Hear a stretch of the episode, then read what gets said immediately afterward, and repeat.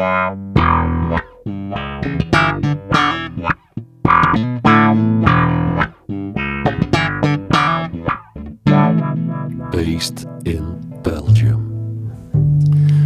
Welkom allemaal bij de achtste aflevering van ons tweede seizoen Based in Belgium. De podcast waarin we telkens één iconische Belgische bassist aan de tand voelen over het reilen en zeilen in zijn of haar muzikale leven. Gecombineerd met een schandalig lekker glas wijn. We zijn een niet al te koude, droge wintermiddag. Het precieze uur en de datum doen er niet toe, want de tijd staat voor mij weer even stil hier in Studio Le Garage om eindelijk weer eens A Real Bass Lady te ontvangen, genaamd Lara Rosseel. Een grote vrouw met een grote contrabas. Die houdt van zwemmen en dat doet ze ook in vele muzikale waters. Inderdaad, Lara staat al geruime tijd gesigned als artistiek werkpaard in de jazz- en popwereld, maar evenzeer in de folkscene, bij wereldmuziekprojecten, in het roots-genre of in meer filmisch klinkende formaties. Ronkende namen als Zap Mama, Naima Joris en Chris Joris, Comilfo, Pierre van Dormaal, Zaliger, Wouter van den Abelen en Ola Vogala, Old Salt of Jan Swert spreken op haar cv en brachten haar al ver buiten de landsgrenzen, tot zelfs in Spanje, Congo en China. Naast haar werk als sidewoman is Lara bandleader en componist-arrangeur van haar eigen Lara Rosseel Band, waar ze zich geflankeerd door vier of bij uitbreiding zeven mannelijke, gelijkgestemde muzikale zielen ten volle uitleeft met contrabas en de eigen zangstem. Geïnspireerd door natuur, dansmelodieën en verrassende ritmes, weggeplukt uit de muzikale afro-traditie. Wat resulteerde in haar debuutalbum De Grote Vrouw. En heet van de pick-up naald de opvolger Hert, die vanaf nu verkrijgbaar is. En dat allemaal sinds ze op haar twintigste van gitaar en cello als laadbloeier overschakelde op de contrabas. Het instrument dat ze zelfs in Zweden bij de guru van de Scandinavische jazz Anders Jormin tot op het bot mocht bestuderen. Al vormt de basgitaar tegenwoordig een verleiding in de vorm van een prille muzikale liefde. Voeg daarbij een loopstation en Lara verandert in een heel orkest. Meer dan terecht dus kreeg ze als curator de opdracht om de clubstage op Jazz Middelheim mee te programmeren en haar eigen projecten daar aan het grote publiek voor te stellen. Kortom, een sterke vrouw met passie voor bas hebben we hier in België nooit te veel. Dames en heren, welkom Lara Rosseel.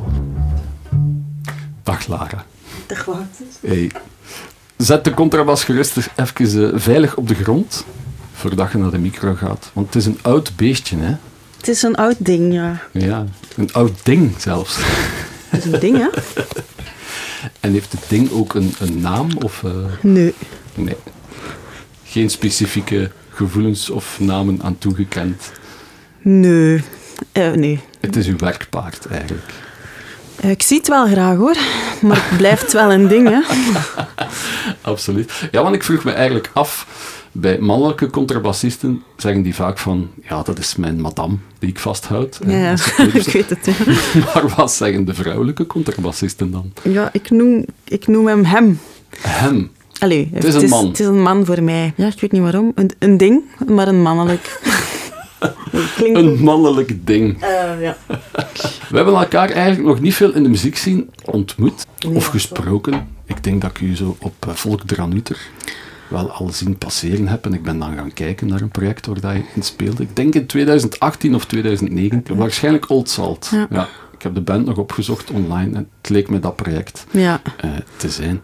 Maar voilà, mijn vermoeden uh, dat je hier in deze podcast op je plaats zit, werd alleen maar bevestigd toen dat ik uh, mijn research verder begon uit te diepen. En de pers maakte zelfs gewag van Lara Rosseel als de Belgische jazzrevelatie van 2020. Ze zeggen nogal iets, hè. Als het in de gazet staat, is het waar, hè, Lara. Ai, ai, ai. Sloeg dat volgens u op uw bewezen diensten als sidevrouw en uw, uw veelzijdigheid? Of, of was dat dan net omdat je voor het voetlicht aan het treden waart met uw eigen composities en uw eigen project? Waarschijnlijk een combinatie. Waardoor dat, dat is, dat weet ik natuurlijk niet. Ja. Ik denk dat de keuze van mijn titel van mijn eerste album misschien ook wel wat in gang heeft gezet. De grote vrouw. Ik had daar echt niet zo bij nagedacht, maar eh, dat was voor mij de juiste titel voor de album. Er is ook een nummer op die plaat die zo... Ja, die die Ja. heet De Grote Vrouw en de Olifant. Voilà. Ja, een kind heeft een naam nodig en dan is dat dat geworden. En ik denk dat... Dat klinkt goed, hè, in de boekjes. De Grote Vrouw. Dus ik heb, dat wel, ik heb wel gemerkt dat ze dat precies leuk vinden om, om, om met die titel aan de slag te gaan. Ja, ja. En eh, dat is heel fijn om zo eh gelauwerd te worden en dat Ja. mensen nu eh, zien, horen en tof vinden wat dat je doet. En hebben ze ook de inhoud erkend en ja, zeker. geschat? Ja. zelfs nu krijg ik regelmatig nog een berichtje van mensen van ah, we hebben uw plaat echt al grijs gedraaid. Eh, ja, die eerste plaat is ook een, iets dat je makkelijk gewoon thuis opzet. Wel Ja. of niet als achtergrond. Iedereen doet ermee wat ze willen. Maar het is wel echt... Het heeft heel veel rustige Mhm. nummers in zich. Ook lenen om als je, als je volk hebt, een beetje cozy te maken of zo. Of, of op je eentje naar te luisteren. Ja. Over die muziek ja, gaan we het onder andere hebben eh, in deze episode. Ik zat te denken, misschien moet je uw mannelijk ding gewoon olifant noemen dan. Nee. Nee, Nee, ik ben ook niet op zoek naar een naam. Voilà.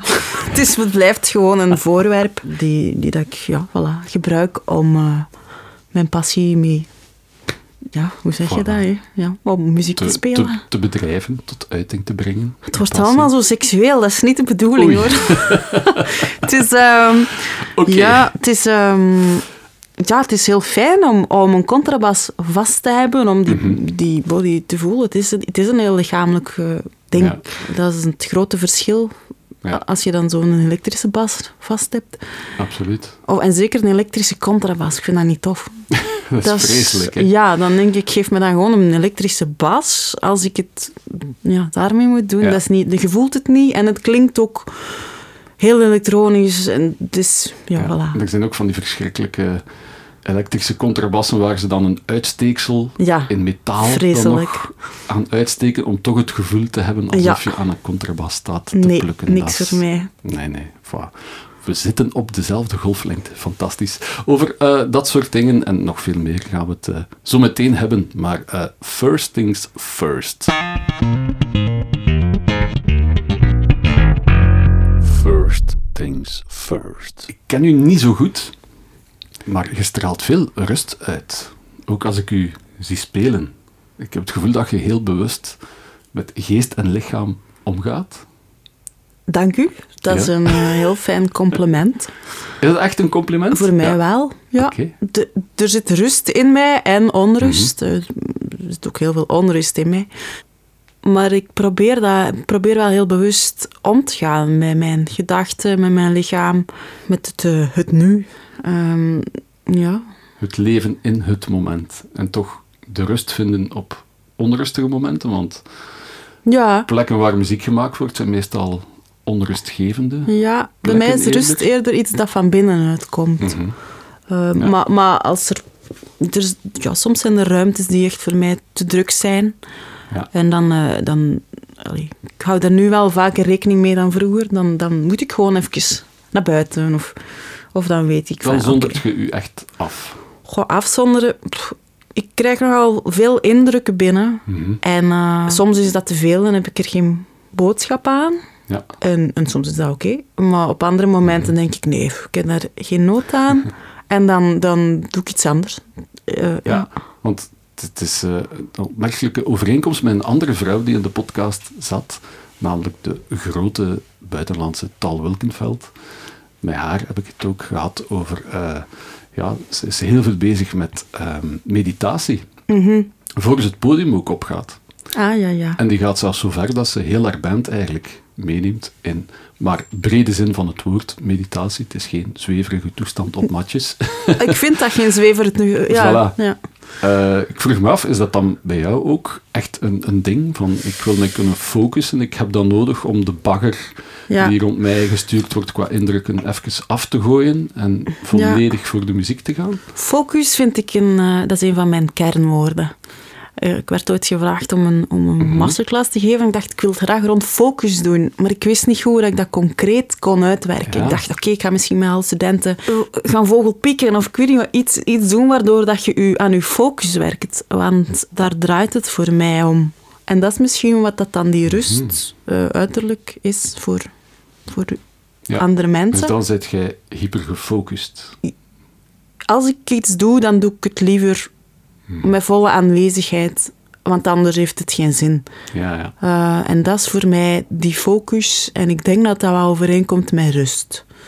Eh, of toch rust uitstralen, want eigenlijk is het een, een, een heel, ehm, hoe zeg je dat, concreet en gebundelde energie van, ja, van aanwezigheid. Dus op zich is dat niet echt rust, maar misschien ziet het er wel zo uit. Ja. Ja. Maar je bent er wel heel actief mee bezig, denk ik. Want ik heb onder andere gevonden dat je ook shiatsu gevolgd hebt en lessen geeft, denk ik. Nee, of ik geef geen lessen, maar ehm, ik heb een drie jaar opleiding gedaan Mhm. tot shiatsu-therapeut. Ja, Wat dat inderdaad allemaal over hetzelfde gaat. Focus, eh, ja. lichaamsbewustzijn, alles is één, zo eh, het holistische beeld ja, ja. van denken, zijn, doen. Alles hangt aan elkaar. Ja, En Ja. je wil er daar bewust van zijn hoe dat de dingen elkaar beïnvloeden. ja, ja. Ja, fantastisch. Ja, ik kan er niet echt omheen. Dingen werken zo voor mij, precies. Ja. Mhm. Focus in het leven is heel, heel belangrijk en de rust. Maar ik vraag me dan af, het echte levensgenieten gaat soms gepaard met het tegenovergestelde. Losbandige fuiven en Ja. drinken. Is alcohol dan, dan wel een genotsmiddel voor u? Of is dat iets dat je heel bewust dan ook weer gaat eh, gebruiken? Ja, ook daar zit het heel bewust in bij mij. Mhm. De paar keren dat ik misschien wat te veel heb gedronken, dat is niet leuk. Dan, ehm, goh, ja, dan vergat ik iets. Of dan... eh, oh, ja, dat, ik heb wel eens een, een zak vol kabels vergeten. En toen Ja. ik in het lemmes zat en het, zo'n avond dat het wel leuk wordt, dan ga ik naar huis en dan denk ik... Oei, ik heb dat niet meegenomen, dat staat er nog. En dan ja, nooit meer teruggezien. Dus ik vind dat niet zo fijn. Ehm, waar ik wel echt van kan genieten, is, is van een, een goed glas wijn of een goed pintje. Een goed stukje kaas erbij. Maar niet zo om de hoeveelheid en gewoon een pintje om pintjes te drinken. Goh, dat is niet zo mijn ding. Dus het staat allemaal een beetje in functie van het naar waarde schatten van Ja. die producten, eigenlijk. Eigenlijk wel. Ja. Ja. liever wat minder, maar dan wel de, Ja. de echt lekkere dingen dan veel. En, en eigenlijk ja, wat minder Ja. genieten van wat dat je aan het verorberen. Zijn dat, dat kan van alles zijn, hè. Ja. komen we daarin ook weer al goed overeen, want we zijn ook op, eh, op zoek gegaan naar wijn voor u, die een beetje bij jou past. ja, ik zie het. Eh, ja, er staat al een fles klaar. We mogen ze subiet open doen. Je had een voorkeur voor rode wijn. Ik drink even graag rode als witte. Mhm. Maar als het zo wijn is zonder eten erbij, Ja. dan heb ik liever eh, rood. Ja. Omdat dat zo gelijk meer een snoepje is. Allee, zo, eh, Een ja, extra touch, een extra Ja. smaak. ja, eigenlijk wel. Ehm, Droge wijn, wou je? dat wil dus zeggen niet te zoet, geen plakkerige toestanden. Niet te fruitig, liever wat kruidig Ja. dan. Ja, eigenlijk wel. Zoet kan lekker zijn, maar ik neem eigenlijk ook geen, geen extra suiker niet meer in mijn, in mijn dagelijkse voeding. Mhm. Ja. Ja, ik hou zo wel van een ruwe, pure smaak, maar wel verfijnd natuurlijk. En heb je speciale voorkeuren naar streken? Ik ben niet zo'n wijnkenner. Ik kan alleen maar zeggen hoe dat voelt als ik eh, Ja, ja, ja. een slok pak. Ja. Dus je gaat voor de smaaksensatie en je voelt direct van het is iets voor mij of het is niks voor mij. ja, En op zich hoeft je niet alles in detail nee. te weten. Nee, ik weet, ja, doet misschien wat afbraak aan alle sommeliers, maar ehm, Nee. het is voor mij echt eh, een ervaring. Ja. Ja, oké. Dan gaan we kijken of dat we iets voor jou gevonden hebben. Want het, eh, het stokpaardje van de podcast is ondertussen geworden dat we aan de pasgast graag een gepaste wijn peiren. Eh, dus Bernard van Vitis Vin in Drongen eh, is op zoek gegaan naar een elegante en complex gelaagde, maar bovenal eh, smaakvolle rode wijn voor Lara Rosseel. Die niet te zoet is ook. Dus mij rest slechts enkel deze vraag. Wat zit er in de baar, Bernard? Een wijn uit Portugal. Een rode wijn uit Portugal. Dat is de eerste keer dat we Ja, een Portugees op bezoek hebben. Ja, we zitten in de klassificatie Peninsula de Stubal, onder Mhm. Lissabon. Een schiereiland die eigenlijk heel leuke wijnen maakt. Ik ben er eh, recentelijk naartoe gegaan. Dat was een prachtige regio, regio. Ik dacht van, dit is een redelijk zonnige, warme regio. Dat gaan hier zware, lompe wijnen geven. En niet is, ja, nee, nee, het is helemaal niet waar. Je zit daar eigenlijk in een prachtige microklimaat. Je zit op 30 kilometer van, van de Atlantische Zee. Het koele nachten, warme dagen, ideaal voor een aantal druiven. Prachtige verscheidenheid aan ondergrond. En we zitten eigenlijk aan de Sao Ramo do Sado. Mhm. Dat is een stopplaats voor de pelgrims op weg naar Santiago de Compostela. Aha. Dus ten zuidoosten van Lissabon. Voilà. En dan heb je José Capitao, die wij noemen Pepe, een fantastische man met een heese stem. Hij heeft daar een domein van 142 hectare. Hoofdzakelijk rijstvelden, graanvelden. Rijst in Portugal. Rijst, graan en maar 15 hectare wijngaarden. Dus het is eigenlijk ook een, eh, een man die al jaren gelooft in de biologische eh, wijnteelt, ook biodynamisch is beginnen werken. Eh, dus aan biodiversiteit werkt. Heeft een aantal plekken gevonden waar, dat er van, waar dat eigenlijk heel mooie wijnen kunt maken. Ondergronden van klei, lijst, eh, klei, kalksteen en silicium, of eigenlijk, eigenlijk een beetje silex, kleine silexsteentjes Ja, ja, ja. overal. En dat geeft die, die hele mooie mineraliteit aan de wijn die we straks gaan bespreken. De zuurtjes. Ja, voilà. En je zit eigenlijk op de hoogste plek uit de regio. Heel mooi, de wijngaarden zijn volledig omringd door eh, bomen. Als je iets meer naar het binnenland gaat, eh, dan kom je in één keer in die gigantische vlaktes van kurkbomen. Dus ja, ook heel mooi qua natuur als je van die kurkbomen Het is sowieso een prachtig land. Tot aan de zee, ja, ja. Eigenlijk. Fantastische mensen. eh, eenvoud in de keuken ook. Eenvoudig en maar zo Geweldig, lekker. Ja. ja, Maar ik ken eigenlijk alleen maar de, de Douro-wijnen Ja. uit Portugal. De bekende rivier, de bekende Ja. vallei. Maar dit heeft er dan niks mee te zien. Nee, nee, nee. Hij is een, een, een wijnfanaat en eigenlijk in 2002 is hij pas beginnen uh, wijngaarden aan te planten. En eigenlijk een, een, een, een grote verschijning aan het cepage ook. Maar als we spreken over Douro, spreken we over Touriga Nacional. Mhm. Dat is een deel van de wijn. Daar zit ook Aragones, hè, de, de Spaanse Tempranillo noemen de Portugezen Aragones. Oké. En daar zit Cabernet Sauvignon. Maar hij heeft ook zelf Sangiovese geplant. Hij maakt heel indrukwekkende Sangiovese wijn. De Sangiovese, Sangiovese Grosso, de druif die ze gebruiken in Brunello, heeft hij daar ook aangeplant, omdat hij overtuigd is dat hij de Ja, microklimaat heeft en de terroir heeft om heel mooie Sangiovese. Concurrentie voor de Voilà. Italianen eigenlijk. Maar hier hebben we eh, een, een, de wijn noemt Herdade do Portocaro 2017. Dus het is een assemblage, zoals ik dat juist zei. Een derde Aragones, een derde Touriga Nacional, een derde Cabernet Sauvignon. De druiven zijn geplukt met de hand. Kleine, kleine bakjes om de druif zo intact mogelijk naar de, wijn, naar de vinificatieinstallatie te brengen. De wijnen worden heel traag eigenlijk eh, ontrist, geperst en gaan in kleine vaten. Eh, geen 100% nieuwe vaten, maar gebruikte vaten. Ja, ja. Blijft daar 12 maanden in en achteraf minstens nog 12, 12 maanden op fles. Dus 2017, een wijn die nu stilletjes aan openkomt. Mooie, krachtige rode wijn. Voilà. Ja, je, ziet aan de kleur, hè, het is kersenrood nog. Uh, En de neus biedt hij aroma's van, van kersen, van, van zwart fruit, blauwe bessen. Ook een bepaalde kruidigheid, dat is dankzij die Touriga Nacional. En dan heb je ook zo'n beetje dat cacao en zoethout dat je hebt in, in die mooie geconcentreerde wijnen. In de mond is hij, is hij heel zacht, met, met rijpe en zachte tannines, die altijd mooi in balans zijn. Ook, wat dat wij graag hebben, wijnen die perfect in balans zijn, met die, dat lichtjes gestoofd fruit opnieuw, die er terug komt, maar mooi ondersteund wordt door, door heel fijne zuren. Dus voilà, zit opnieuw in de mond, ze hadden meer zeggen, spreken over griot, over zwarte bessen, en zelf een beetje dat leder. Griot. Griot, ja, kersjes, hè. Oké. Le ja, griot in Frankrijk, zeggen ze. Dus voilà, een, een, een wijn met een heel mooie pH-waarde, met heel mooie zuren. Dus Ja. opnieuw zeer mooi in balans. Van begin tot einde, redelijk lang afdronk. Ideaal voor met grillades, met stoofpotjes, met een, een heel goede varkensgebraad. eh, voilà, ja. ja. Weet je, dat is een wijn van, van 15 euro. Prijskwaliteit vind ik dat super. Maar hij heeft ook wijntjes onder de 10 euro, die, Ja. die je waarschijnlijk ooit al een keer geproefd hebt. Die Autocaro. Ja, Autocaro. Eh, ja. Autocaro 27 en Autocaro 38. Eigenlijk Het instapmodel, zo gezegd. Ja. Eigenlijk een beetje de naam naar de buslijn die hij nam om eh, naar zijn ouderlijk huis te gaan. Ah, Oké, Autocaro is Voilà, een bus eigenlijk. Ja. Dus iets toegankelijker, iets eleganter, iets lichtere wijnen. Zo wijnen voor alle dagen, maar ook Ja. opnieuw zeer mooi in balans. Eh, Dus voilà. En binnenkort gaan we, ik had hem eh, vorige week aan het leven, zijn dochter is beginnen werken met hem, Theresa, een zeer Mhm. ondernemende eh, jonge, jonge meid.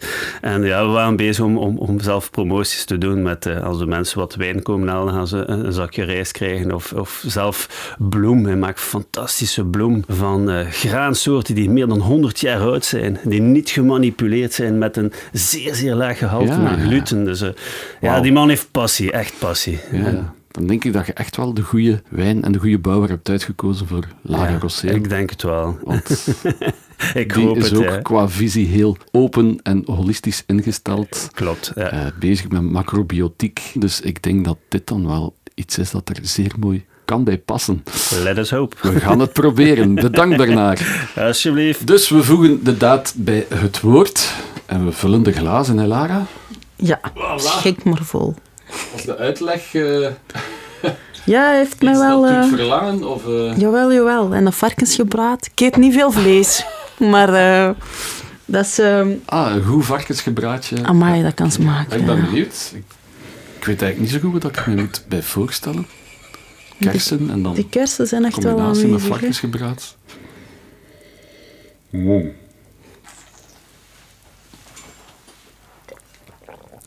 Dat is ook... Wat is het nog allemaal? Cacao? Ja, een beetje dat bittere. Ja, een kruidnagel? Dat voelde wel een beetje het droge van, Ja. de, van de cacao. Ja. Ik vind hem goed. Ja? Is het Ja. uw ding? Het is mijn ding, ja. Oké, zoals de contrabas die ook een ding is. Nee, dat is een ander. Ja, voilà. Dat is een ander Dat is ding, iets anders, ja. ja. Oké. Eh, heb je iets met Portugal of zo? Want Wel, ehm, ik ben er nog maar één keer geweest. Mhm. Eh, en net over de grens, maar... eh, wacht even. Oh, ik weet al de, de naam van de stad niet meer. Ik zat nog in het middelbaar. Maar ik zat... vroeger was ik, ehm, zat ik in een volksdansgroep. oké, Ik ben van Veurne, hè? dat weet je misschien. inderdaad geboren in de- Westhoek. Ja. In Veurne. Voilà. En mijn ouders, die, eh, die dansten ook. Eh, zowel klassieke dans als vo- volksdans. En eh, ik en mijn beide broers, wij zaten ook in de volksdansgroep. Maar Ja. het... Ja, dat is, dat, is, dat is tof, hè. Dat is zo ook dansen. Maar, voilà. Ja. Een heel specifiek soort dans. Maar ehm, wat ik geweldig vond aan die groep is dat om de zoveel jaar was er een Europeade. Dat wou zeggen dat we met allemaal verschillende volksdansgroepen naar een specifiek land gingen om daar samen te komen, om mekaars muziek te delen, dansen te delen. Ehm een groot feest. Dat is zo een heel een goede week in beslag nam. En dat jaar was dat in, ehm, ja, eigenlijk in Spanje, want dan gingen we net even over de grens op een, van de, een of ander uitstapje. Al van in uw jeugd, van wachtende kuppen, werd de zin voor de etnische cultuur eigenlijk al... Ja, misschien is dat wel daar gegroeid. Ja. Want ook eh, Zuid-Korea kwam erbij, terwijl het helemaal niet Europa is. En ook Wit-Rusland. Ja, ja. Ik vond die geweldig. Ja, dat was echt mooi. Ja, het, eigenlijk, eh, mijn flank begint te vallen, dat dat waarschijnlijk eh, wel echt vandaar kwam. Ik vond dat, Ja. ik vond dat echt tof om al die mensen te zien, hun cultuur te, on- te, te- ja, te ontdekken. En dan tijd samen door te brengen, Ja. ja, muziek te spelen. De kiem werd al gezaaid diep in West-Vlaanderen. Ja, ja. Ja, wel, dat brengt ons meteen al bij de roots van eh, Lara Rosseel, waar we naar op zoek gaan.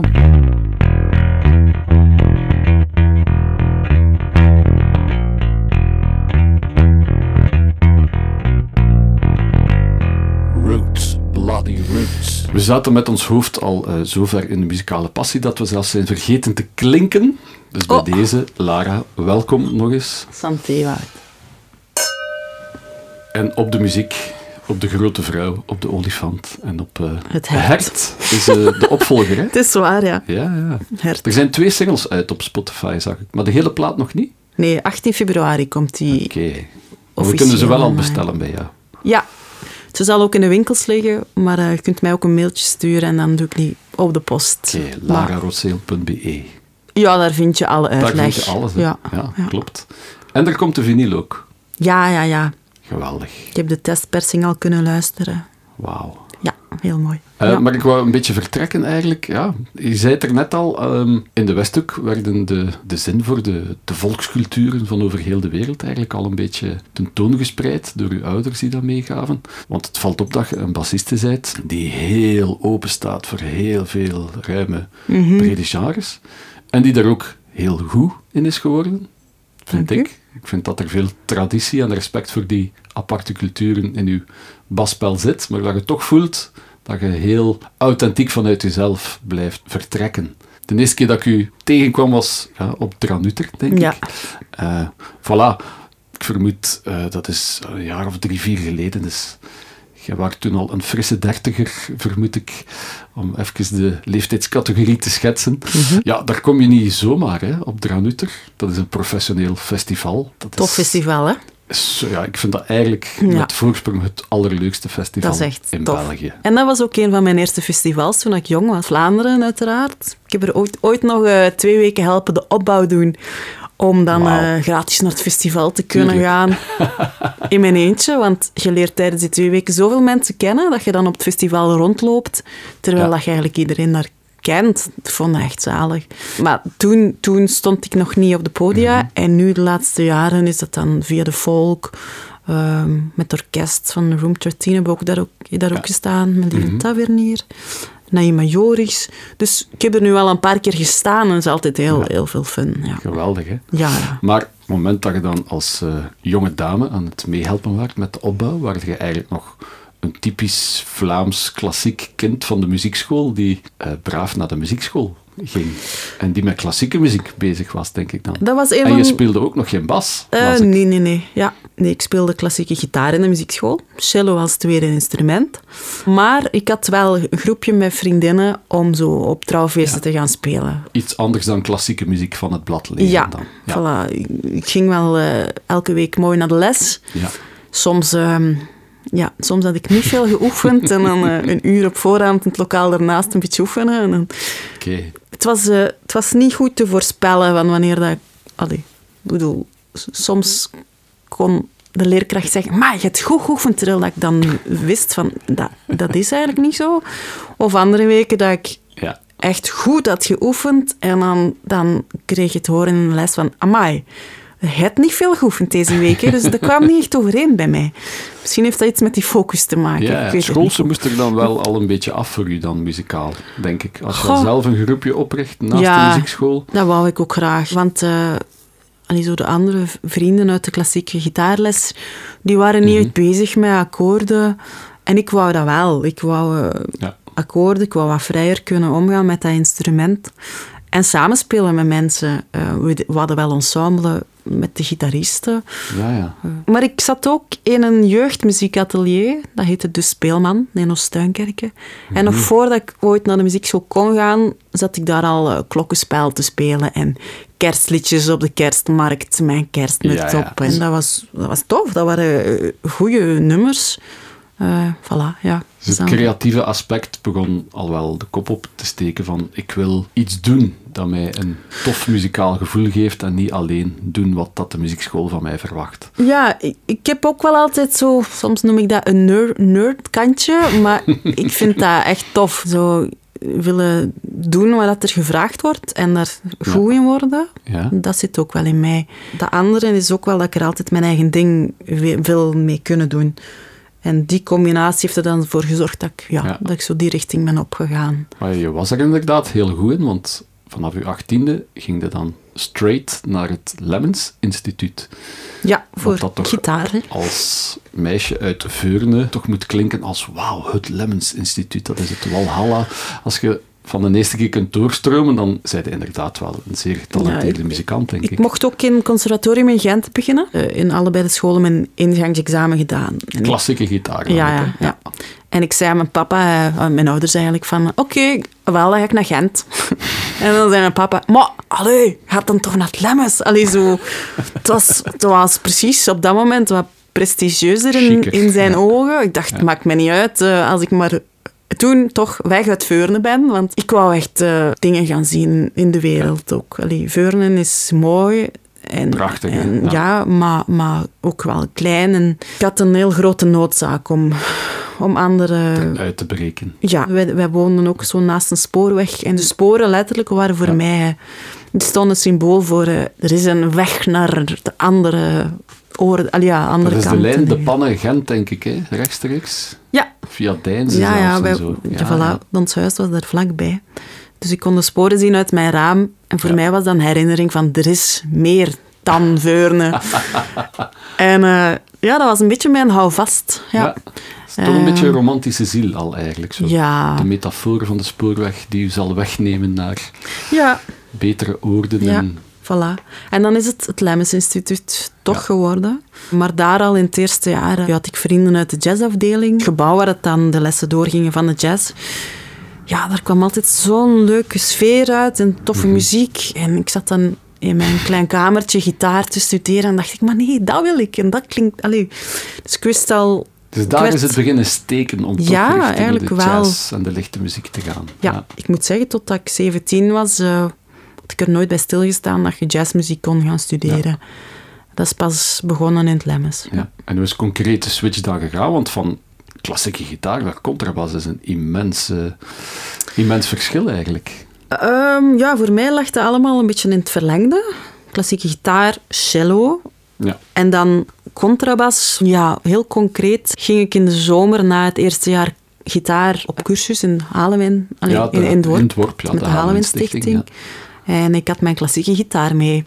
eh, om les te krijgen van eh, Hans van Oost, onder andere. Ah. Leon West, Die Maarten heeft er lang achter de hoek gewoond. Ah, oh, Hans van. Oost. Ja, ja. Is verhuisd dan.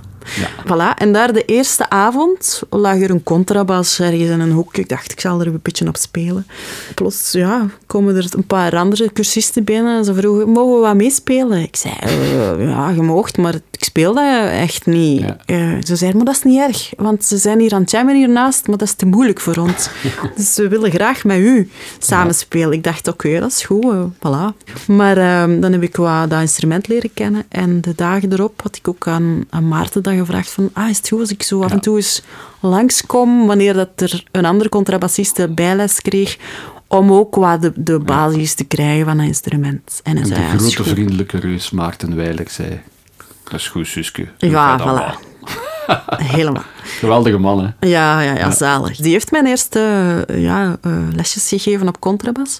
Maar toen zat ik nog maar in de zomer tussen mijn twee jaar klassiek gitaar. Tweede jaar had ik gezegd aan mijn, aan mijn ouders van eh, ik wil eigenlijk graag contrabas studeren. En die zeiden, zeg, zusje, je kunt niet alles willen in het leven, hè. Ik dacht, eh, allee, ja, dan, Ja. ik weet niet, dan moet je niet De snel... diepgewortelde Vlaamse mentaliteit van... Ja. Doe maar gewoon. Ja. En ik wil mezelf dan ook altijd uitdagen en tonen van, doe jij maar wat dat jij wilt. En voilà, dat stemmetje is nogal overheersend. Mijn ouders die, die, die steunden mij ook wel. Allee, dus die, die lieten mij dan wel doen. Het is niet altijd gemakkelijk geweest voor hen, denk ik. Zo'n dochter die nogal wist wat dat ze wou. Ja. En in een sector die hoogst onzeker was. Of dat het wel iets zou Ja, maar ze dan. vonden het ook wel tof dat ik muziek studeerde. Ah, toch, ja. ja. ja. Allee, als ik maar leerkracht werd. nee, dat is ook niet waar. Maar ehm, dat, dat leer, leerkracht zijn is dan wel de stabiele factor natuurlijk Ja. in het beroep. En geef je nu les ook? Eh, nee, het is eigenlijk het eerste jaar dat ik geen les meer Ja. geef. Ik wou even eh, geen les geven. Ja. Ja, ja. Mm, ja. Maar die bachelor op Tlemmes heb je effectief afgemaakt als gitarist dan eigenlijk? En dan kunnen overschakelen naar contrabas. Wel, het tweede jaar dat ik dan eh, klassiek gitaar deed, heb ik eh, stiekem contrabas gestudeerd tijdens het jaar. Eh, ik had een vriendin die contrabas deed als tweede instrument in het Lemmes. Ja. Maar ze had die bas niet vaak nodig. En ik mocht die gebruiken wanneer ik wou. Ja, ik amuseerde met de pletter, met die contrabas. Ook niet veel mensen wisten dat ik dat deed. Tot aan het einde van het jaar eh, dat ik op straat ging spelen in Leuven. Samen met, Ja. met Philippe de Schutter en Joppe Bestevaar. Ja, ja, ja. Ja, eigenlijk eerst met Philippe. En dan zei Joppe van, ah, ik heb gehoord dat je op straat speelt. eh, anders moeten we samen ook eens... voilà. En dan is daar het eerste groepje gegroeid. ehm, eh, Le Baron Fauteuil. Maar wat wa, wa vertelde die contrabas meer aan jou dan die gitaar toen je het vastpakte? Ik wou een luider instrument. Een instrument dat mij meer vrijheid gaf. Ook zo op percussief niveau. Ik zat toen ook eigenlijk in de percussiegroep van eh, de circusschool Locomotief in Leuven. Dus dat percussief is er altijd ook geweest. Dus ja, ik wou ook samen kunnen spelen met mensen. Met gitaar gaat dat ook wel. Want ik heb, het is niet dat ik gekozen heb om dan jazzgitaar te gaan doen. En ook misschien vanuit de cello. want ik strijk ook graag Ja. op de contrabas. En het zijn de 400ste snaren van een gitaar. Dus voor mij is dat wel een combinatie Mhm. van beide instrumenten. Het is niet dat dat iets totaal anders is. Ja, ja. Ja. En kon je dan starten in de jazzafdeling? Meteen. Wel, een van de keren dat we dan op straat speelden, eh met Job, t- t- zo tijdens eh, juni denk ik, zei hij, ah Lara, uw, uw basleraar is hier net gepasseerd. ik zei, ah Wow. oei. Ik zei, ja, want de dag daarna had ik mijn ingangsexamen. en dat was toen Jos Machtel. En Ja. die was net gepasseerd in de straat van Leuven, dus Ja. die had mij daar al zien spelen. Dus de dag daarna had ik ingangsexamen. Ze zeiden, oké, je zult eh, hard moeten werken, maar Ja. je mocht beginnen. Oké. En toen moest ik nog aan mijn leerkracht gitaar, Rafaela Schmid, zeggen van... eh, Ja. Ik zal niet terugkomen voor gitaar. En Oei. ze snapten het een beetje. Mijn, ik had een heel goed examen. Maar wat ze niet snapte, is dat ik tijdens het jaar zo wat, wat minder, wat minder presteerde. En dan had Ja. ik gezegd van, zie, dat komt eigenlijk omdat ik heel het jaar lang wat stiekem contrabas heb geoefend. En toen vielen alle puzzelstukjes eh, ja, in elkaar. ja. Voilà. Ik had ook een andere leerkracht voor klassiek piano, die zei van, allee Lara, dat is toch niks voor u, dat klassiek? Laat u Allee, gaan. Ja. Ja, je, allee, je moet doen wat je echt wil doen. En, ehm, ja, maar ik ben wel super dankbaar voor die jaren klassiek. Eh, We zijn er echt gedrild geweest in, Mhm. Ja, in zingen, muziek, lezen. Die verschillende sleutels dat je toen nog moest lezen. Atonale zangoefeningen. Dat was eigenlijk niet zo simpel. Mhm. En ik ben blij dat ik dat heb eh, gedaan. Ja. Ja. Maar als we nu kijken naar uw, uw professioneel spectrum, waar dat je u elke dag in beweegt, dat is nog een pak breder dan eh, puur jazz, die je dan op het Lemmens kon studeren, of puur klassiek. Eh, als kind had al voeling met folkmuziek, met rootsmuziek. Is dat dan parallel meegegaan tijdens het Lemmens, die genres en het ontwikkelen erin? Of is dat dan na de opleiding pas echt geëxplodeerd door de kennis dat je had? Ja. van op het Lemmens te zitten, van dan nog beter in afro-stijl te gaan worden, eh, Ja. in, in, in, in volksgenres, in, in vreemde maatsoorten, dat soort dingen. Liep dat gelijk? Het is vooral daarna gekomen Mhm. dat het wat meer zo eh, settelen is in mijzelf. Maar het is er altijd geweest. Want als er zo examenmomenten waren, was ik wel Ja. vaak degene die afkwam met zo van die nummers die redelijk afro waren of, of meer stemmig of die kwamen uit de film. Ja, de Constant Gardener, eh, muziek van Ayoub Ougada. En Ja. het is er wel altijd geweest. Maar tijdens die studie was de focus wel echt eh, op de jazz. Ja, je kiest daar dan ook voor, voor die opleiding. ja, want Lemmens is daar redelijk streng in, denk ik. Hè? Ja, maar, ja, maar het hangt ook van uw leerkrachten af. Ja. Dus Jos Machtel en dan Nick Thijs. En Ja. Dus die visies waren wel best open. Er zijn dingen die, die dat ik echt nog moest leren, want ik was een, ja, een beginnende bassist. Mijn eerste les bij Jos was eigenlijk... eh, Jos, zeg die een walking bass, wat is dat eigenlijk? ik denk niet dat hij vaak zo'n leer- leerlingen krijgt, maar hij moest het mij nog uitleggen. Maar ik had zoveel goesting om dat allemaal te doen, dat ik denk ik in toen eh, eh, ja, in, in een snel tempo alles zo verorberde. Ja. Ja, een razend tempo, denk ik. Want daarna zat je al in Zweden bij de guru van de Scandinavische Ah, wel. jazz. Waar heel veel Belgische studenten ook Ja, naartoe paar, gaan en, ja. Mhm. en willen gaan. Wat is er zo bijzonder aan Anders Jormin? Ja, de man zelf is heel interessant. ehm, maar er komt nog iets bij, dat is dat Scandinavië voor bassisten echt een beetje walhalla. hè. Wa- Wat trekt de bassist van hier zo aan in de Scandinavische benadering? De hoeveelheid eigenlijk aan bassisten. In, in België zijn er echt minder. Bijvoorbeeld toen ik op Lemmens zat, denk ik dat we met drie bassisten waren. En als ik het nu zo hoor, zijn er ook vaak nog zo wat te, net te weinig bassisten om alle ensembles te vullen. Maar als je daar dan toe komt, dan uh, je kunt bijna een ensemble maken met alle bassisten. En dat maakt het zo tof. Iedereen vindt zijn eigen ma- manier om bassist te zijn, bas Ja. te spelen. En er zijn zoveel manieren als dat er mensen zijn. En dat Ja. maakt het zo interessant. Is er ook een grotere nationale akoestische traditie in die landen, denk je? Eh, ja, dat, is, dat was er wel. Allee, ze volgen altijd een beetje ergens een voorbeeld. Mhm. En ehm, eh, ik ben zijn naam kwijt, maar... Oost, iets met Peterson? Ja. Orst, Orsted? Peterson. Ah, eh, Niels Petersen Orsted of zoiets? het zijn allemaal namen. hè? Ja, Niels Henning Orsted Petersen. de D. Niels Henning Orsted Peterson eh, was een bassist die... Petersen, ik. Ja, voilà. Ja, het zou kunnen, al die Zweedse namen. Kom, zeg het nog een keer. Niels Orsted... Wacht, hè. Niels, Niels... Henning Orsted Petersen. ja, Niels Henning Orsted Peterson. Yes. Die zo... Allee, naar wat ik weet van Zweden natuurlijk, een beetje een groot voorbeeld was voor veel Zweedse bassisten. En daarna zijn er alleen maar meer bassisten gekomen. En ehm, ja, nu is Scandinavië echt zo een beetje... Het Walhalla. Echt, Het Ja. vol van uh, ja, allee, met, met goede bassisten. En die spelen dan nog een ander instrument. Dus bas is zo uh, goh, alsof dat we hier zo uh, kampvuurliedjes op de gitaar doen of zo. Veel, veel mensen Mhm. spelen echt goed contrabas. En dat is heel fijn om daartoe te komen en dat te voelen. Want hier zit je zo aan de... Ja, eerder de, de uitzondering op, op de regel. Muziek Daar, is hier meer geïnstitutionaliseerd, denk ik, dan in de Ja. Scandinavische landen. Daar Ja. hebben ze rijke volktraditie, Mhm. wat dat wil zeggen dat de muziek van het volk bij het volk blijft. En op feesten en rituelen het heeft mij heel, heel de ja. familie wel iets met muziek te doen, denk ja, ik. Hè? Ze hebben, dan ook, ze hebben daar ook tussen het middelbaar en de hogeschool hebben ze de volkhogeschool. En dan, eh, je kunt dat één of misschien ook twee jaar doen. En dan krijg je wat van alles. Tot mandenvlechten toe. Ehm, ja, dat is fantastisch. En dansen waarschijnlijk ook. Ja, ja. dat jij in Veurne al deed. Ja, voilà. Ja. Volks, heel volksgericht. Geweldig. Eh, maar misschien even terug naar die jazz. Daar heb je ook met heel eclectische mensen gewerkt. Of een beetje de stil geleerd. En mensen als Chris Joris, eh, mensen als Pierre van Dormaal, zaliger. Hoe ben je bij zo'n mensen verzeild geraakt? Kreeg je er eerst les van? Of, of een stage of een project? En ben je dan met hen gaan spelen? Ja, dat tweede eigenlijk. Mhm. Ehm, en Pierre van Dormal was de eerste in de rij voor mij. Dat was eh, de leraar ehm, analyse. Toen op het Lemmens, hè? Ja, Ja. ja. ensemble en eh, analyse. ja, Ik vond dat een heel intrigerende man. Ehm, absoluut. ja. En dan na, ik denk dat ik toen ik in mijn tweede jaar ensemble zat en een les Mhm. kreeg van Pierre, dat hij zei, Lara, kom, zet je dan vrij? Dan ik wil eens met u eh, afspreken. en eh, samen met een drummer, eh, David Broeders. Ja, dat deed zoveel deugd om uitgenodigd te worden door een leraar, waarbij dat dan ook heel goed klikte op muzikaal vlak en te voelen van dat hij u vertrouwt. En om dan een project te kunnen aangaan. Het Lemmens heeft heel veel toffe projecten waarin dat je dan samenwerking aangaat met, met de leerkrachten. Frank Vagané, eh Drie Pallemaert, Nick Thijs. Er, allee, er was van alles bezig. Maar Pierre vroeg dan ook nog eens van, ah, ik wil een groep met jullie maken.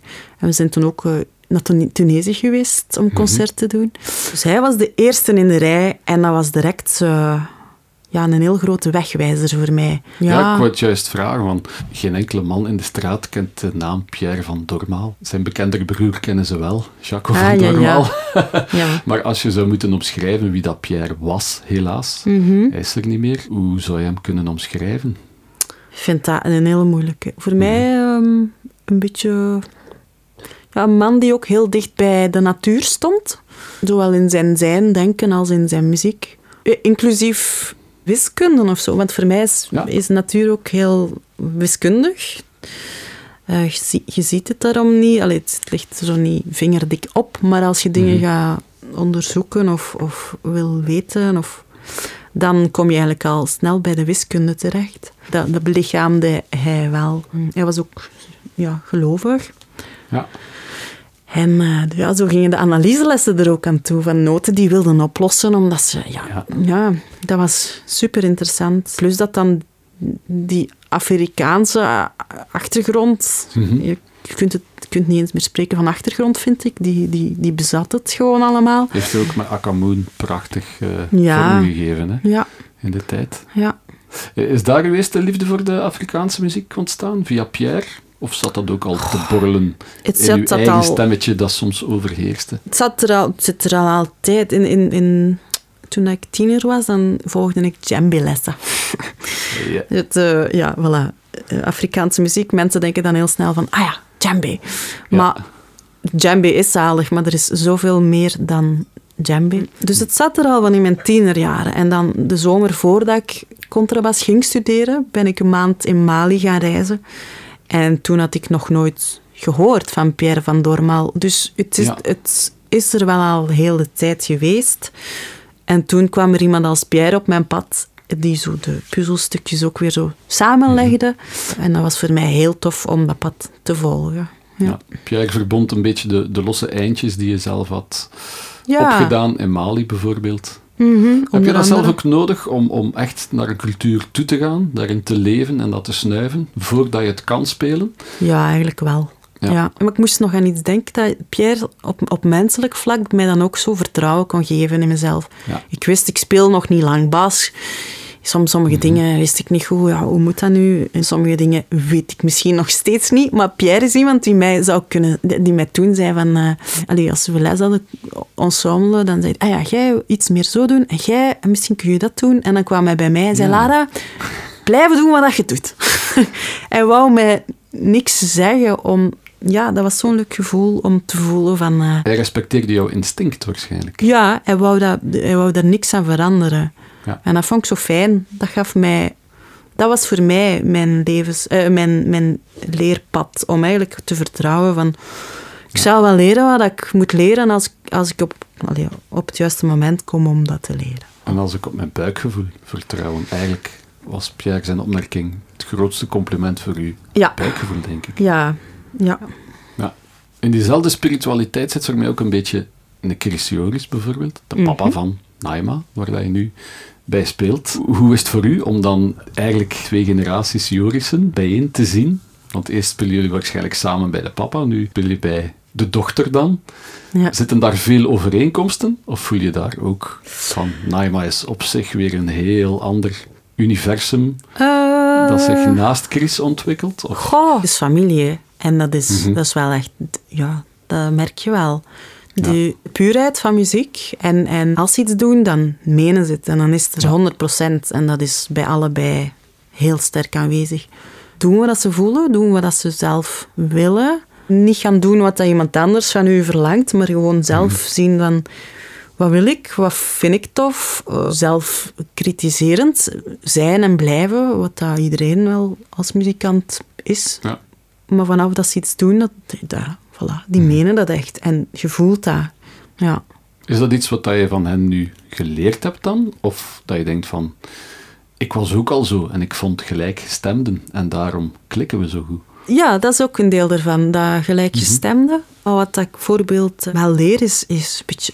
Ja, en mijn, meer gaan voor wat ik zelf wil. En oh, ik stel mezelf heel vaak in vraag, maar zo, misschien zo zorgen dat ik, dat, ik er, ja, dat ik mij niet te veel in vraag stel, want dat, dan raak je ook niet vooruit. Dus gewoon soms eens iets doen omdat je, dat je denkt, Ja. daar heb ik nu goesting in. En dat dan doen. En waar trek je voor jezelf dan de grens? Want zo verder het lijstje afgaan, als je dan plots met Mama werkt, of je werkt plots met Comilfo, of je werkt plots met Jan Swerts, die dan ook weer op een heel eigen manier zijn muziek concipieert. Waar trek je de grens van, ik geef wat dat die mensen van mij verwachten, en waar begint Lara dan haar goesting te doen? Ah, Kan je dat omschrijven?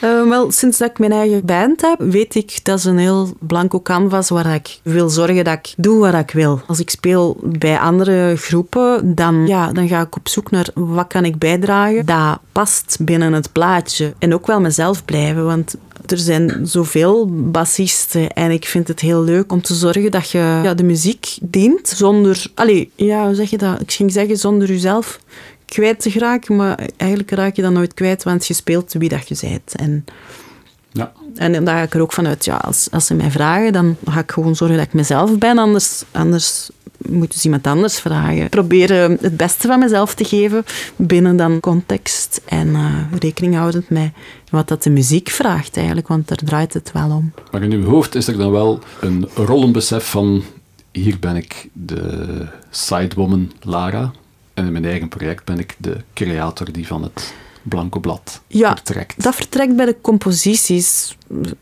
voor mij. Want nog steeds als we dan een nummer bijvoorbeeld van mij spelen, dan ge- vraag ik ook mij ook nog steeds af, wat vraagt, wat vraagt het nummer nu eigenlijk van mij als bassist? Ja. Eh, Vertrek je vanuit de bas? Componeer je op de bas? Of grijp je dan toch naar de gitaar of naar andere instrumenten? eh, Of is het van alles. Ideeën in je hoofd of ritme? Of... Het is echt een combinatie van alles. Ehm, het is ja, gitaar, piano, soms al zingend. Mhm. Of een percussiegroove. En Want- soms de bas. Maar eigenlijk iets minder. Als ik op bas componeer, zit ik vaker eh, met, een, met een groove. En dan, Mhm. dan is het iets moeilijker om zo ervan weg te gaan. Het, is, Ja. het, is, het biedt meer mogelijkheden als ik vertrek vanuit een ander instrument. En dan later de bas eraan toevoeg. Ja. En zie je dan jezelf als sidewoman bij je eigen project als je aan de baslijn begint om de juiste basnoot op het juiste moment te spelen? Of is dat een eenheid met Het is de, een eenheid. Ah, ehm, ik ging zeggen, het is een eenheid met, met eh, alle muzikanten. Mhm. Want er, is- er is ook niet echt een front, vrouw of, of man. Of, er, is, er is geen zang of tekst bij. Mhm. Er zijn alleen melodieën en Ja. eh, sfeer en een baslijn of een gitaarlijn. Dus ik zie mezelf niet als eh, sidewoman of als frontvrouw. Het- Er is gewoon de muziek en ik ben wel de persoon die dan ja, cues geeft van oké, nu naar hier of nu Ja. naar daar, maar het is een geheel. Maar jij bent de bandleader. Op een bepaald moment moet je ook in het procedé van componeren, opnemen, arrangeren en alles. En beslissingen, Beslissingen nemen, ja. hè? Dat wel, ja. Maar dat is een hele leuke functie eigenlijk, ja. Ja, is dat leuk? Ik vind dat tof. Want ja, dat is de plaats waar ik dat kan doen. Met andere groepen, ja, dan, dan eh, wil, ik, ja, wil ik ook niet de eindbeslissing hebben. Tenzij dat ze mij echt vragen, wat zou jij doen? Maar in mijn Mhm. eigen groep is dat vooral de vraag, wat zou jij doen? En dat is heel fijn. Ja, Maar dat is soms ook moeilijk. Wat zou jij doen? Ja zeker. van, ik heb er zijn fantastische... zoveel mogelijkheden. Hoe Ja, moet ik gaan ja. kiezen? Zeker. Maar ik heb fantastische muzikanten en die bieden zoveel aan.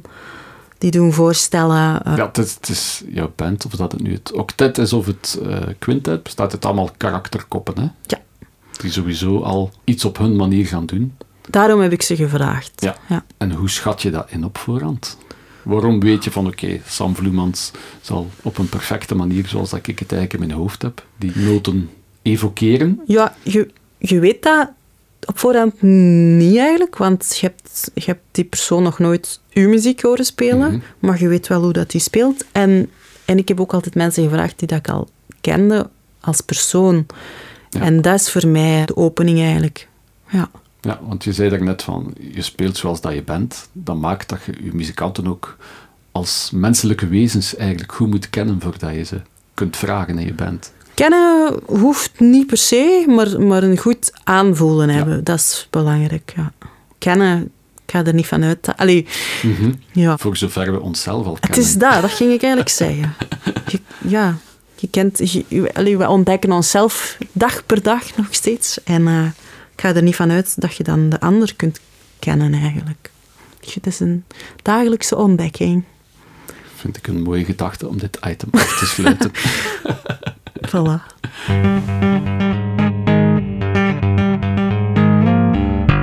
oh my god. Gelukkig is er af en toe een jingle om eh, toch nog even van de wijn te drinken. Santé, Lara. School. Mm. Ja, ik ben fan van deze Portugees. Zeker. Het is Ja, inderdaad heel droog. Maar Doet- ook niet te, hè? Allee. doet me denken aan eh 99% chocolade. Nochtans ben ik daar geen fan van. Nee? Nee, Ah, ik wel. nee dat is- Nee. Hmm. Tot 85 kan ik gaan. Ja, 86 is het ideaal tussen smaak en, en, eh, en bitterheid, denk ik. Maar Ja. 99 is heel... eh, keel is direct droog, hè. Nee. ja. Dat, Maar ik heb een beetje hetzelfde gevoel als ik van die wijn drink. Oei, ah, qua maar dat heb droogheid. ik nu niet. Maar niet zo heftig als de, de chocolade van 99%. Ja. Dit helemaal terzijde. Ehm voilà. We hopen nog steeds dat als God bestaat, dat die dan wel een vrouw is. Maar we onthouden ons voorlopig als agnost en ontrafelen ondertussen verder. Het leven van deze basgodin Lara Rosseel. Lara, wie is voor u de ultieme basgod? Eigenlijk heb ik dat niet. Totaal niet? Maar er zijn de ultieme? Nee. Er zijn er zoveel. Ja. Iedereen doet op zijn eigen manier. Ja. Eh, En contrabas of elektrische bas. Ik vind Jaco, Jaco Pastorius, Ja. echt de max. Ja, ook in België, Michel Hadzi Giorgio vind ik ook echt zo... Ja, eh Dat is buiten categorie, hè. En daar naar kijken is ook al zo fijn. Ja. Ja. Dat zijn elektrische bassisten. Ja, dat is Waren waar. die al aanwezig in uw muzikale leven Nee, toen dat je nog volle misschien- bak voor de contrabas ging? Of is dat recent, omdat je nu recent de misschien is dat wel echt een, een, een recent versnaperinkje. Zo, eh, ja. Eh, Contrabas, ehm, Dave Holland, eh, Mingus, Ja, Paul Chambers, Die waren toen van in het begin, op het moment ja, dat je in het die Lemmens waren echt er- voor jazz ging, dat waren de goeroes. Ja, die waren voor mij echt zo, hup.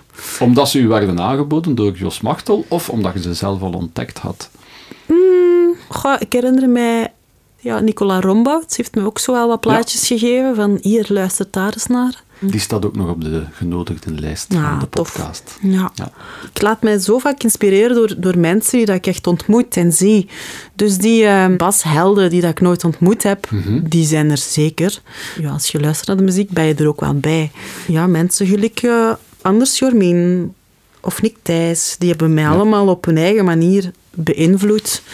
Eh, en dat vind ik er net zo leuk aan. Ja. Maar het ontmoeten van bepaalde mensen die je de weg kunnen wijzen, is voor jou eigenlijk belangrijker dan de verafgoding van Dat raakt mij mensen die meer. je eigenlijk ja, niet, niet kent. Goh ja, nou, nee, dat is er zeker ook hoor. Ja, Esperanza Spalding is ook eh, een heel lange periode zo mijn heldin geweest. Tuurlijk. Ja, Dus de- ik denk dat die allemaal zo periodes hebben en dan dat ik zo... Dat dat verandert of je, je doet een nieuwe ontdekking en dan ben je volledig in de ban van. ja. Eh, maar die hebben allemaal zoiets moois te vertellen en, en, en daar kan ik zoveel van leren. Ja. Ja. En heb je ook al eh, goden tegengekomen, ehm, of mensen met naam en faam, waarvan dat je dacht van oké, dat gaat echt wel boeiend worden. En dat slaat dan keihard tegen. Eh, niet muzikaal, maar eerder als mens, omdat ik denk dat jij echt wel op je gevoel afgaat en Ah, ja. een mens wil voelen hoe dat die functioneert. En misschien daar eerder op oordeelt van oké, die is boeiend voor mij. Ik oordeel niet zo graag. Ik weet het, elke mens doet dat. Maar ik, ik probeer er bewust de van te beslissing zijn. neemt van oké, ik ga naar die persoon toe en ik Ja. ga daarbij studeren. Of net niet. Ah ja, ja, op die manier. Nee, ik probeer er altijd uit te halen wat eruit te halen valt voor mij. Ja. Eh, ja, soms zijn er kantjes aan een persoon dat ik denk, goh, dat klikt niet zo goed met mij. Maar dan, eh, ja, probeer je ook gewoon te laten zijn, zolang dat niet, niet echt niet storend is of mij belemmert, Ja. dan, dan, dan is dat echt oké. Want ik wil ook graag dat iedereen zichzelf kan zijn. Alleen ga ik zelf wel op zoek gaan naar de mensen die mij, die mij voeden en die mij een goed gevoel geven. Ja.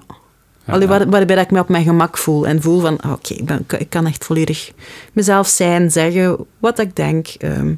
Ik val niemand aan als ik gewoon eh, zeg wat ik denk. Dat is ook, dat is ook echt... Want ik hou echt van, van eerlijkheid en oprechtheid. En eh, ik merk dat dat voor, niet voor iedereen zo gemakkelijk is. En ik kan dat ook... Allee, soms moet je zo wat inhouden, omdat je weet van, oei... Ja, gewoon zo proberen ja, in te schatten van... Klikt het heel goed? Of... of ja, voilà. Dus je wil vooral kunnen inschatten bij een nieuwe ontmoeting van wie is de mens achter de muzikant. Ja, ik heb, echt, ik heb echt nog geen nare ervaringen gehad. Gelukkig. Ja.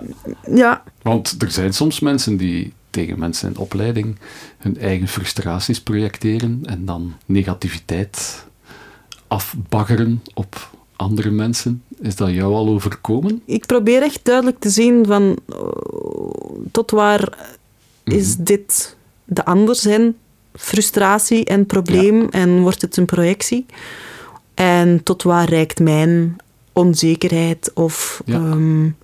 ja, wat voor aandeel heb ik in deze situatie? En als blijkt dat ik daar niet zoveel aandeel in heb, dan zal ik zorgen dat ik niet te lang in die situatie verkeer. Ja. En zou je onzekerder durven worden als er plots een persoonlijke god of held naar jou komt kijken? Speel je dan anders? Heeft dat een invloed? Of kan je dat volledig loskoppelen en zeggen: This is me? Tuurlijk eh, vind ik dat dan wel spannend. Want je wilt altijd wel het beste van jezelf tonen aan iemand. En dan hoop je dat die dan net het beste zien.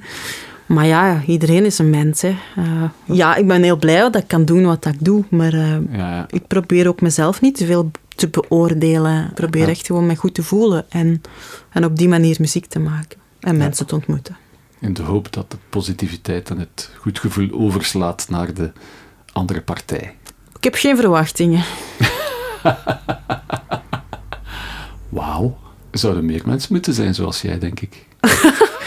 Ik heb mijn dagen, hè. Maar... eh,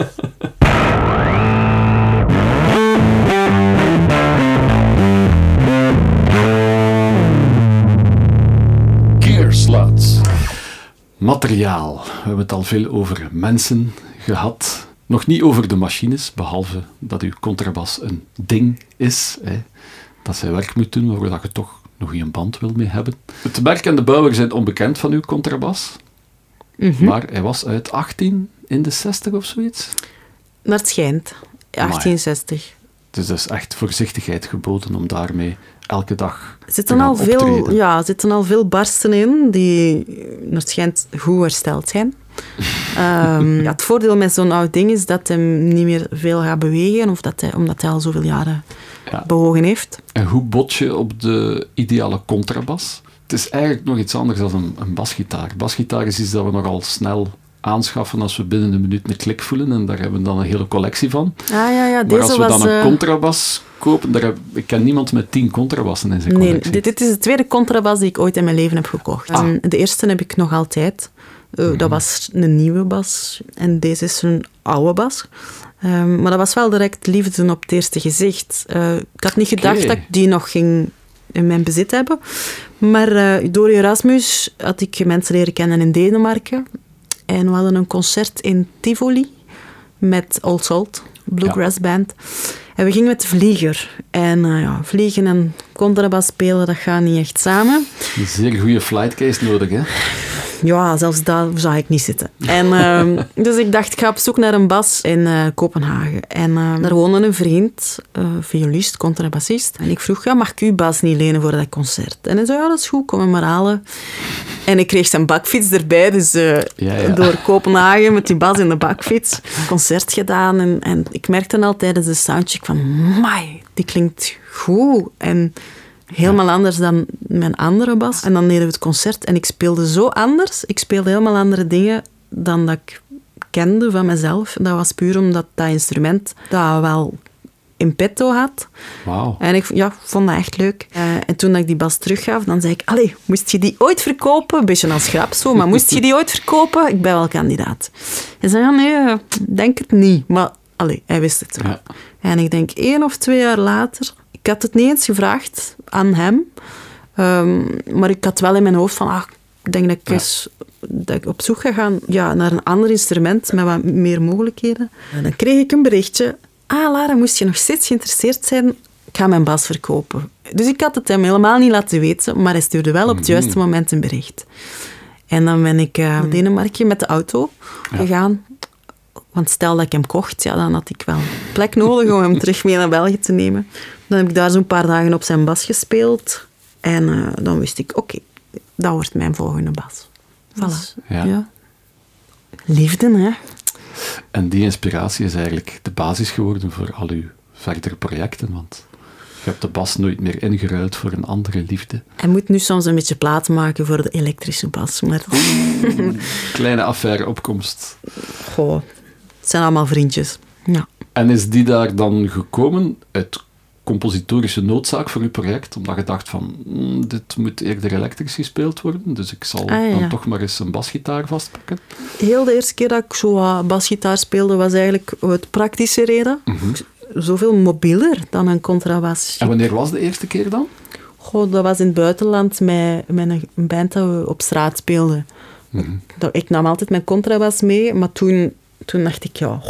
Het is een groot ding, hè. Allee, je, je, je, sleurt dat vaak echt mee en je doet dat altijd met heel veel liefde, maar ja, soms ja. kan ik wel echt eens blij zijn om zoiets iets klein mee te pakken met, met, met zelfs nog een diepere sound of, allee, hangt van uw versterker dan af. Voilà, maar op, op straat eigenlijk, alles is op straat okay. begonnen met mij. Een goede plek om uh, muziek te maken. Ja.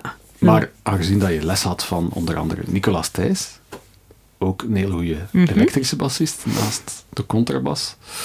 Heeft die dan nooit gezegd van Lara, misschien moet je ook eens proberen nee, het vizier in twee richtingen te houden? Goh, nee, die heeft dat nooit gesuggereerd. Ja. Nee, ik heb hem wel vaak zien spelen, Ja. uh, en dus dat zou mij onrechtstreeks hebben beïnvloed. En qua materiaal, wat ben je dan aan het uitproberen? Want jij zit Nu? eigenlijk in de experimenteerfase met basgitaar. Ja, ik ben heel blij dat ik van, van andere bassisten af en toe een bas mag lenen.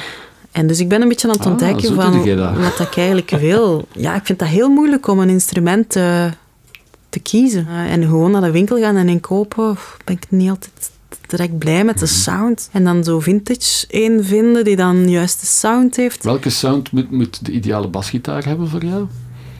Goh, ik neig toch wel naar de... Allee, ik dacht dat ik naar de, de jazzbass neigde, maar ik heb nu ook wel al ontdekt dat, dat er heel veel toffe precisions zijn die ook gamma hebben van klank.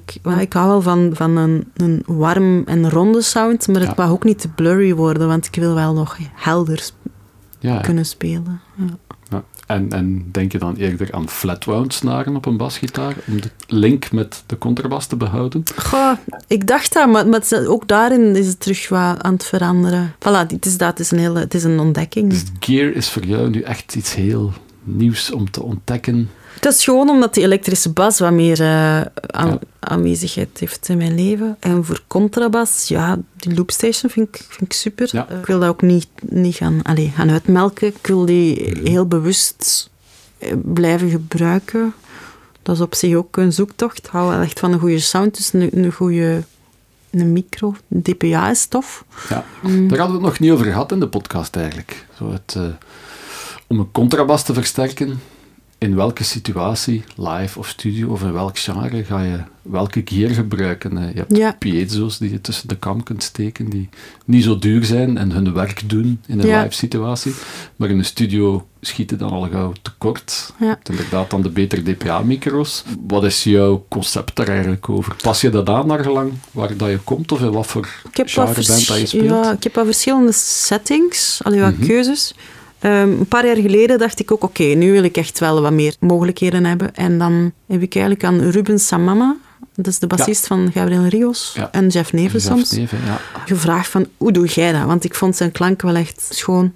En dan, dan heb ik mij een acoustic image voorversterker gekocht, Mhm. met twee kanalen. Dus je kunt zowel XLR als, eh, als eh, jack gewoon aansluiten. En je kunt ze allebei uit je eigen versterker halen, want het is ja, een klein mengpaneeltje eigenlijk. Dat heeft mij wel wat mogelijkheden geboden. De DPA is er gekomen om een meer natuurlijke klank te hebben. Ja.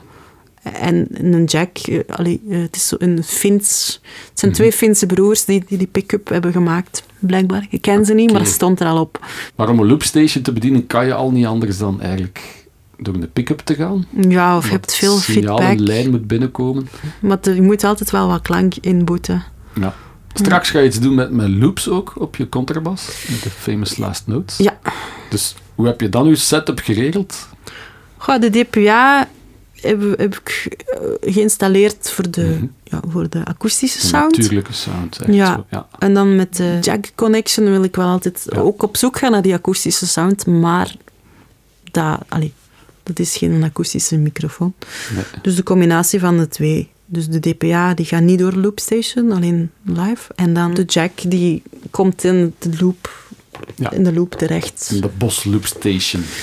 Ja, omdat hij drie tracks heeft. Ik ben nog Ja. op zoek naar de, de, naar de versie, ook met, met meerdere sporen, maar Mhm. met wat minder eh, ja, bijgeluid. Ja, ja, ja. Blijft een boeiende zoektocht. Stopt nooit, hè. Nee. Ja, ik ben daar ook niet al te veel mee bezig. Allee, eenmaal dat ik iets heb dat goed werkt, Ja, wil ik dat gewoon gebruiken. dan is het Tot push, ik- go en voilà. Ja, totdat ik iets nieuw wil of ergens misschien vastzit. En, ja. Dat is een goede tip. En dat brengt ons naadloos bij het volgende hoofdstuk.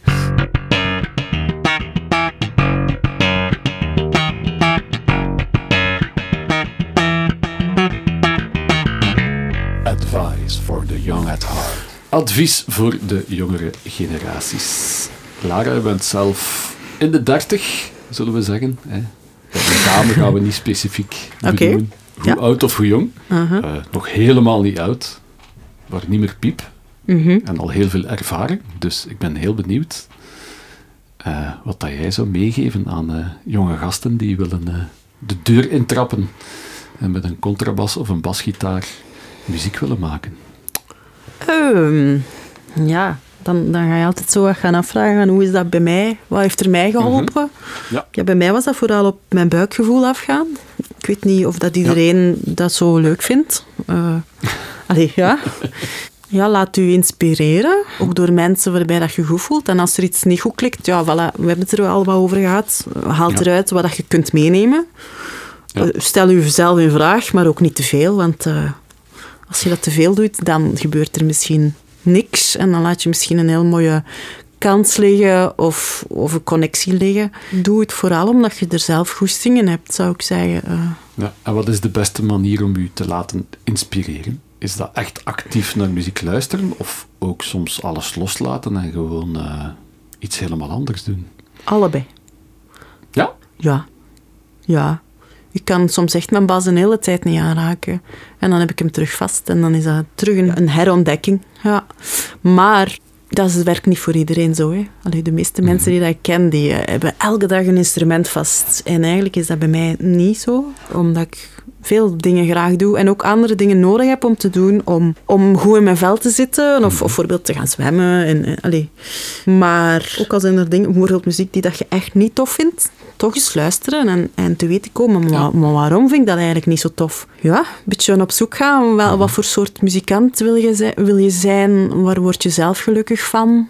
Ja. Misschien is dat echt meespelen in verschillende bands zonder dat eigenlijk zelf u, Dat is voor iedereen anders, denk ik. Dus ik denk dat dat wel goed is om, om te weten en te voelen van... Allee, wat, voor soort, wat, wat vind ik eigenlijk leuk? En dan kom je automatisch terecht bij het antwoord van... Wat voor soort muzikant wil ik zijn en waar heb ik het meeste plezier aan? En voor de mensen die wel, zoals jij, met dat ei zitten... en op dat ei willen broeden en dat willen doen openbarsten... Wat, wat, wat is het beste advies voor, voor mensen die hun eigen project eigenlijk uit de grond gaan stampen dan? Forneer, forceer niks, um, maar laat het ook niet liggen als, als dat is wat je wil doen. Verzamel uh, mensen rondom u die, die in u geloven ja. en die het zelf ook al eerder hebben gedaan. Om u een beetje te kunnen helpen van wat heb je ja. nodig, waar wil je naartoe. En begin er gewoon aan. Ja, zie, zie het niet te groot in het begin. Je mocht heel groot dromen. Allee, dat vind ik wel een goeie. Um, maar verwacht niet dat je bij je eerste song. Ja, voilà. ik, durfde, ik durfde eigenlijk geen composities schrijven totdat ik naar Zweden ging. Het is een uh, grote stap, hè? Ja, ik dacht, oh, dat gaat toch niet goed zijn. Um, ik zal er gewoon maar niet aan beginnen. En dan, zo gebeurt het ja. nooit. En in Zweden voelde ik zo de ondersteuning van jawel, super tof. En dan deed je een middagconcert en de leerkrachten kwamen kijken. En ook in de analyseles ging het er ook aan toe van, niet van, dit zijn de regels, schrijf nu iets. Mm -hmm. Het was eigenlijk omgekeerd. Het is, schrijf iets, je zult ontdekken wat het er wel klinkt en wat het er niet klinkt. Alright. En je zult de regel ontdekken. En dat was voor mij echt fantastisch. Want door, door van hier, eigenlijk vanuit België, te vertrekken ja. van, dit zijn de regels. Oké, okay, schrijf nu iets. Dat werkte niet voor mij. Dan dacht ja. ik, nee, nee, uh, ik ga niet al die regels kennen, ik zal niks, ik zal niks doen. en, en door die omgekeerde benadering uh, is dat bij mij wel mogelijk geworden. Ja. Nee, maar ik vind het wel een opmerkelijk. Ik had er nog nooit over nagedacht. Inderdaad, analyse kan je ook op die manier ja, kenbaar regels... maken aan studenten ja. door hen te laten doen en dan de regels eruit te halen in plaats van. Je zult het wel ontdekken, hè? Ja, ja zo, allee, dat is een beetje mijn, mijn visie wel. Want de regels zijn er ook alleen maar gekomen doordat, ze on, doordat mensen hebben ontdekt. Ah, wacht even. Blijkbaar komt het hierop neer. Ja. Ofwel volg je dan die regels, ofwel vertrek je terug van nul en ga je het terug ontdekken.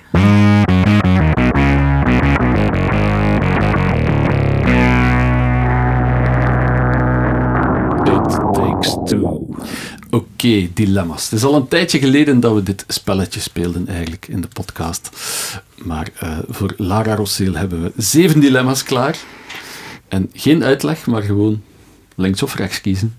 Zo simpel is het. Klaar? Ik denk het.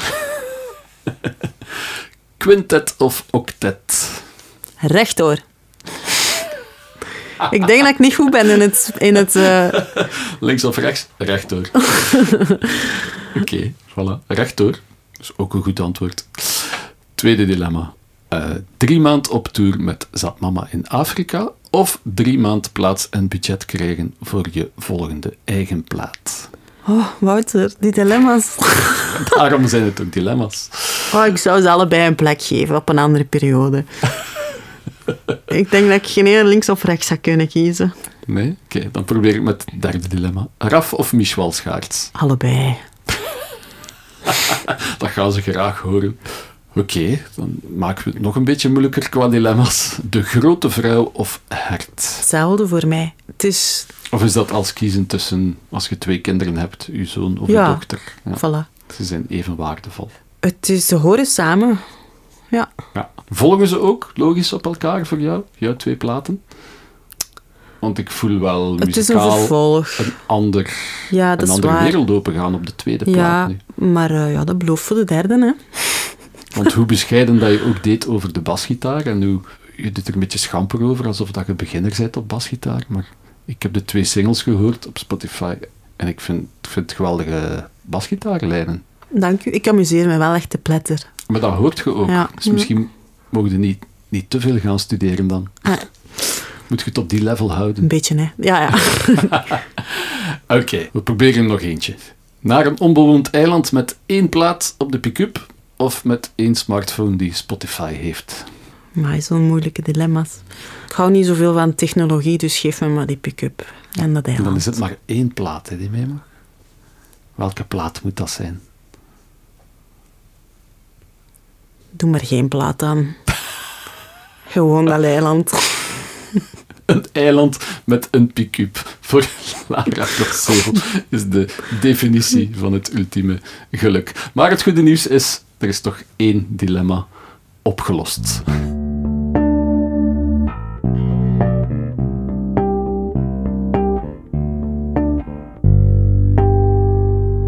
Famous last notes. Ja, het passeerde daarnet al in het eh, gear item.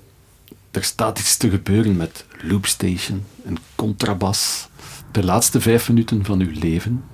Als je dan iets zou spelen, wat zou je dan spelen? Ik heb gekozen om een, om een van mijn composities La Suite te Mhm. spelen. Ja. Van op de eerste plaat van Ja. De Grote Vrouw. Ja. Met Jan van Moer eigenlijk op Beugel. Dat, was een, dat is een duo-nummer. ja. Eh, maar dat leent zich wel ook om solo te spelen op bas. En is dat een nummer dat voor u dan alles samenvat in het leven? Of denk je gewoon van, dit is het soort melodie die voor mij... Ehm, ik denk als ik wist dat ik nog vijf minuten te leven had, dat ik niet zo heel happy zou zijn. en het is een, eh, het is een stukje mineur. Oké, Ehm, dat klopt al. Ja. En ik hoop ook dat ik iets anders aan het doen ben als ik echt aan mijn vijf laatste minuten van mijn leven toe ben. Hoe zou je er willen uitgaan, idealiter, in het leven? Goh, ik wil zo nog wat plaatsen op de wereld zien. Dus Mhm. misschien zo, terwijl ik iets nieuws aan het ontdekken ben. Ik wil graag vol dankbaarheid gaan. Oké. La Suite is een stuk die ook veel dankbaarheid uitstraalt, denk ik. Hè? Ja, Als je de plaatversie hoort. ja, ja. En ik denk dat is, dat, dat iets is dat wel terugkomt bij, bij meerdere van mijn nummers. Mensen zeggen soms dat dat heel hoopvol klinkt. Ik hou Dus- wel van dat organische... Ja, het is wat het is. Oké, dan laten we graag de muziek voor zich spreken. Oké, Ga uw gang. merci.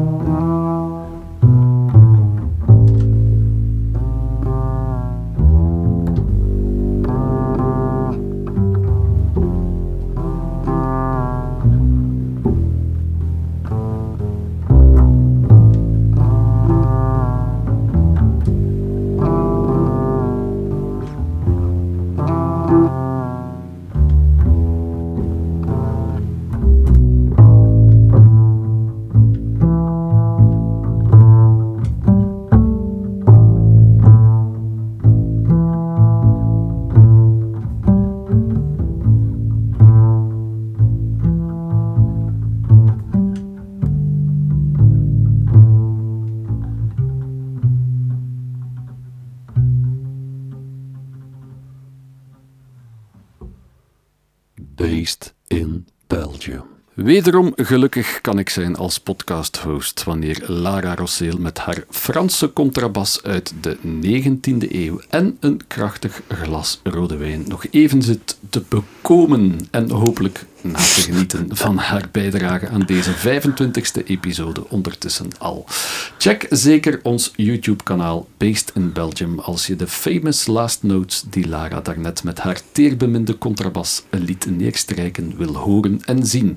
Meer info over dat uiterst smaakvolle glas rood Portocaro uit Portugal dat Bernard van Onze Baar besprak, vind je steeds online op vitis.vin. Ik onthoud uit mijn ontmoeting met Lara Rosseel alvast dat focus de essentie in het leven is waaruit alles vertrekt. Dat een spoorweg in de verlaten Westhoek toch een opening naar de hele wereld kan zijn. We weten nu ook dat bassisten uit Zweden niet enkel moeilijk uitspreekbare namen hebben, ze zijn bovenal wereldautoriteiten. Voor de rest noteer ik graag van Lara dat alle muziek op straat begint dat je muzikaal uit alles moet halen wat je er voor jezelf uit kan halen en bovenal en laat elke zichzelf respecterende muzikant dit als grafschrift aanschaffen, gespeeld wie dat je zijt. Ziezo, met deze episode diende grande dame Lara Rosseel ons een serieuze portie vrouwelijke muzikale kracht toe en daar zijn we heel blij om. Het wordt nu uitkijken naar onze volgende basgast of basgasten, want hoe dieper we graven in de ton van heersers der lage tonen, hoe meer we merken dat er nog veel Belgische bassisten zijn met een uniek profiel en een muzikaal palmares om u tegen te zeggen. Om maar te zeggen dat onze lijst van mogelijke invités hier nog dagelijks uitbreidt. Dank aan Lara om deze lijst piekfijn aan te vullen met haar meer dan interessante aanwezigheid. Dank u wel ook Bernard van de Baar en dank vooral aan jij daar, luisteraar. Stay low en stay tuned. Zie je, Lara. Alsjeblieft, Wouter. Het was gezellig.